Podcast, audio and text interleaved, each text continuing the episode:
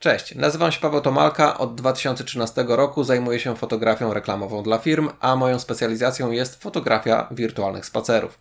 Zanim przejdziemy do treści tego odcinka, chciałem Wam powiedzieć, że warto oglądać go do końca, ponieważ przygotowałem niespodziankę dla osób, które zostawią komentarz pod tym filmem.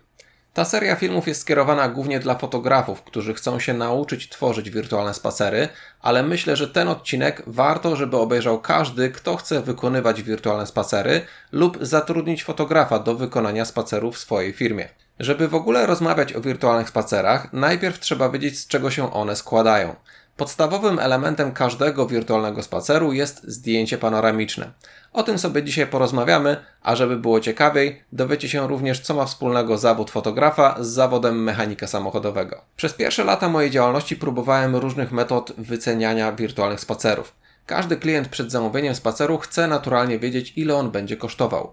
Najprostszym rozwiązaniem jest umówić się z klientem na spotkanie w jego firmie, przejść się po budynku, zobaczyć ile pomieszczeń trzeba sfotografować, zaplanować sobie ilość zdjęć panoramicznych i wytłumaczyć klientowi, jak będzie działał spacer oraz jaki będzie jego koszt. Niestety taki sposób wyceny nie jest zbyt korzystny dla fotografa. Gdybym miał robić każdą wycenę osobiście, to musiałbym ograniczyć obszar swojego działania, na przykład tylko do jednego województwa. Musiałbym również wkalkulować w moją usługę koszt dojazdu na wycenę oraz ryzyko, że zmarnuję swój czas, jeśli po wykonaniu wyceny klient nie zdecyduje się na moją usługę. Więc próbowałem różnych sposobów. Przede wszystkim zależało mi na tym, żeby móc wykonać wycenę wirtualnego spaceru na odległość, przez telefon lub przez wiadomości mailowe. W ten sposób mogę sobie pozwolić działać na terenie całego kraju. Szukałem sposobu, żeby wycena była łatwa i zrozumiała. Jednocześnie chciałem, żeby mój klient wiedział za co płaci, a ja, żebym wiedział ile pracy będę miał do wykonania. Okazało się, że wycena na podstawie ilości zdjęć panoramicznych jest najprostszym i najbardziej miarodajnym sposobem. Wydaje się oczywiste, że każdy powinien wiedzieć, czym jest jedno zdjęcie panoramiczne, ale przekonałem się, że wcale tak nie jest. Podczas mojej pracy wiele razy spotkałem się z sytuacjami, że moi klienci nie mieli zielonego pojęcia, jak działa wirtualny spacer i czym są zdjęcia panoramiczne. Kilka razy spotkałem się nawet z pytaniem, czy podczas tworzenia spaceru nagrywa się film, albo czy będzie nagrywany dźwięk.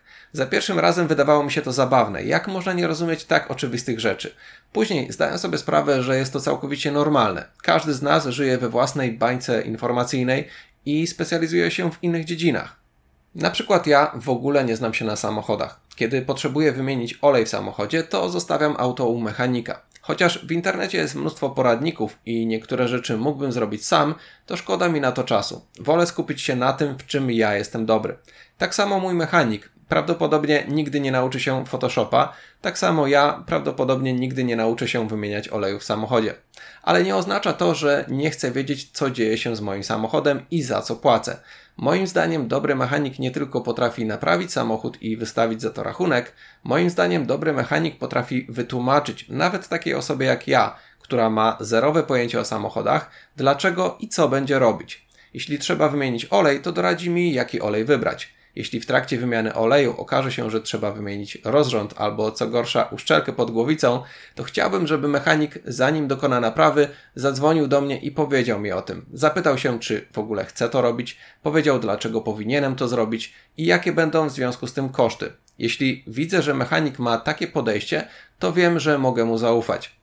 Chciałbym wiedzieć, za co płacę i że korzystam z tej usługi w miarę możliwości świadomie, że nie zostałem na coś naciągnięty. Tak samo jest z wirtualnymi spacerami. Dlatego czasami warto wczuć się w rolę naszego klienta i wytłumaczyć mu, co będziemy robić i w jaki sposób. Może się okazać, że wycenimy wirtualny spacer na 2000 zł, a inny fotograf zaproponuje go za 1000 zł. Jeśli nasz klient będzie wiedział za co płaci, to może świadomie porównać dwie oferty. Może okaże się, że tańsza oferta zakłada wykonanie wirtualnego spaceru z mniejszej ilości zdjęć panoramicznych lub oferuje zdjęcia gorszej jakości. Być może okaże się, że klient świadomie wybierze naszą ofertę, nawet jeśli ona jest droższa. W jaki sposób wytłumaczyć, czym jest zdjęcie panoramiczne osobie, która na co dzień nie zajmuje się fotografią? Najłatwiej jest to zrobić pokazując to na przykładzie, ale nie zawsze jest taka możliwość. Czasami trzeba to zrobić na przykład przez telefon. Jedno zdjęcie panoramiczne to jeden punkt, umożliwiający obrót w 360 stopniach. Tak samo jakbyśmy stali w miejscu i rozglądali się dookoła siebie. Możemy spojrzeć w dowolnym kierunku, ale jeszcze nie możemy poruszać się w przestrzeni. Oglądając miejsce z perspektywy jednej panoramy, nie możemy ruszyć się ani do przodu, ani do tyłu. Nie możemy zrobić kierunku w prawo ani w lewo. Nie możemy też obniżyć lub podwyższyć perspektywy, z której oglądamy dane pomieszczenie. Co prawda możemy skierować nasz wzrok w dół, ale nie możemy zobaczyć, jak wygląda pomieszczenie, gdybyśmy obniżyli naszą głowę. Warto zwrócić na to uwagę, bo wielu fotografów podczas tworzenia spaceru ustawia aparat zawsze na takiej samej wysokości. Wiem o tym, bo sam kiedyś robiłem ten błąd. Więc podsumowując, na jednym zdjęciu panoramicznym możemy obracać nasz widok. Tak samo jakbyśmy obracali głową, ale nie możemy zmieniać perspektywy, czyli stoimy w jednym wybranym miejscu. Wirtualny spacer składa się z kilku, kilkunastu lub nawet kilkudziesięciu zdjęć panoramicznych, które są między sobą połączone. I to właśnie dzięki temu, że możemy zmieniać miejsca, z których oglądamy dane pomieszczenie, mamy wrażenie, jakbyśmy poruszali się w przestrzeni 3D. Jednak nie jest to przestrzeń 3D, tak jak ma to miejsce na przykład w grze komputerowej. W grze komputerowej gracz może chodzić po całej mapie. W wirtualnym spacerze mamy ograniczoną ilość zdjęć panoramicznych i możemy się poruszać tylko między nimi. Tworząc wirtualny spacer, planujemy ścieżkę, która składa się ze zdjęć panoramicznych. W ten sposób oprowadzamy klienta zaplanowaną przez nas drogą, która najlepiej zaprezentuje fotografowany budynek. To my decydujemy, w jakich miejscach będą umieszczone panoramy, czy zdjęcia będą blisko siebie, czy może zdecydujemy się robić większe odstępy. Do jakich pomieszczeń pozwolimy klientowi wejść, a gdzie drzwi będą zamknięte. Na przykład w tym sklepie rowerowym mamy tylko jedno pomieszczenie. Korzystając tylko z jednej panoramy na środku tego pomieszczenia, możemy obejrzeć cały sklep, ale nie możemy się po nim poruszać. W tym samym sklepie możemy zrobić kilka lub nawet kilkanaście zdjęć panoramicznych. Dzięki temu będziemy mogli podejść do różnych części sklepu i obejrzeć produkty na wystawie.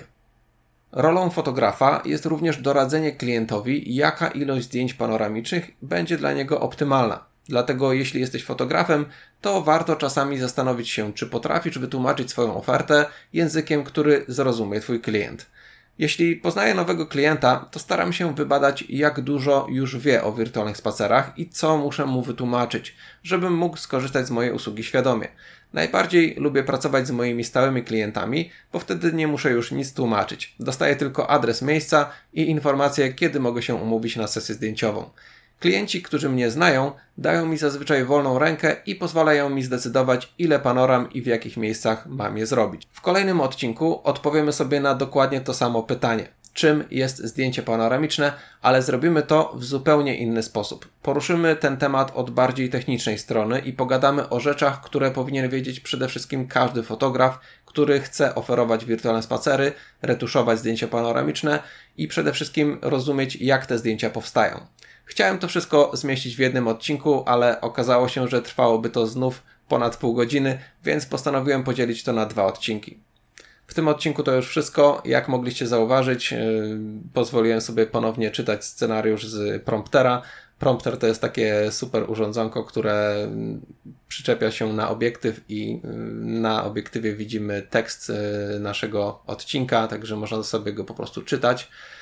No, Powiem Wam szczerze, że wczoraj próbowałem nagrać ten odcinek bez scenariusza, kilka godzin zmarnowałem i nic w sumie nie nagrałem takiego, co by się nadało do opublikowania. E, stwierdziłem, że ten odcinek jest po prostu dla mnie na tyle ważny, że chciałbym, żeby on był po prostu w miarę możliwości krótki, zwięzły i żeby był sam konkret. E, także postanowiłem po prostu przeczytać to ze scenariusza. Może na przyszłość niektóre odcinki będę czytał właśnie ze scenariusza, a niektóre odcinki będę robił e, z pamięci. E, no i na koniec niespodzianka dla osób, które oglądają film do końca. Jeśli interesuje Was właśnie tworzenie spacerów, jeśli chcecie się czegoś dowiedzieć, zapytać mnie o coś prywatnie, to macie szansę. Zostawcie komentarz pod tym filmem. W treści komentarza napiszcie słowo konsultacja lub napiszcie jakąś inną rzecz w tym komentarzu, ale ważne, żebym wiedział, że chodzi o konsultację. Yy, I jedna osoba, którą wybiorę z tych yy, komentarzy, ma szansę, no, jedna osoba zdobędzie yy, taką właśnie godziną konsultację ze mną i w ciągu tej godziny możemy się na przykład na Skype'ie zdzwonić, mogę Wam pokazać jak y, tworzę zdjęcia panoramiczne, jak obrabiam moje zdjęcia lub możemy sobie obrobić jakieś Wasze zdjęcia lub możemy sobie po prostu pogadać na temat zakładania firmy, na temat y, fotografii, na dowolny temat, który Wy będziecie chcieli i będę w stanie na ten temat Wam coś ciekawego powiedzieć. Także zostawcie komentarz o treści konsultacja lub napiszcie w tym komentarzu na przykład o czym chcielibyście w tej konsultacji porozmawiać. Y, jedną osobę wybiorę i ta osoba będzie mogła sobie z godzinnej konsultacji u mnie skorzystać. To wszystko w tym odcinku. Dziękuję Wam bardzo. Na przyszłość już nie obiecuję, że odcinki będą regularnie. Będę się starał nagrywać tak, y, tak często, jak to będzie możliwe. Trzymajcie się. Cześć.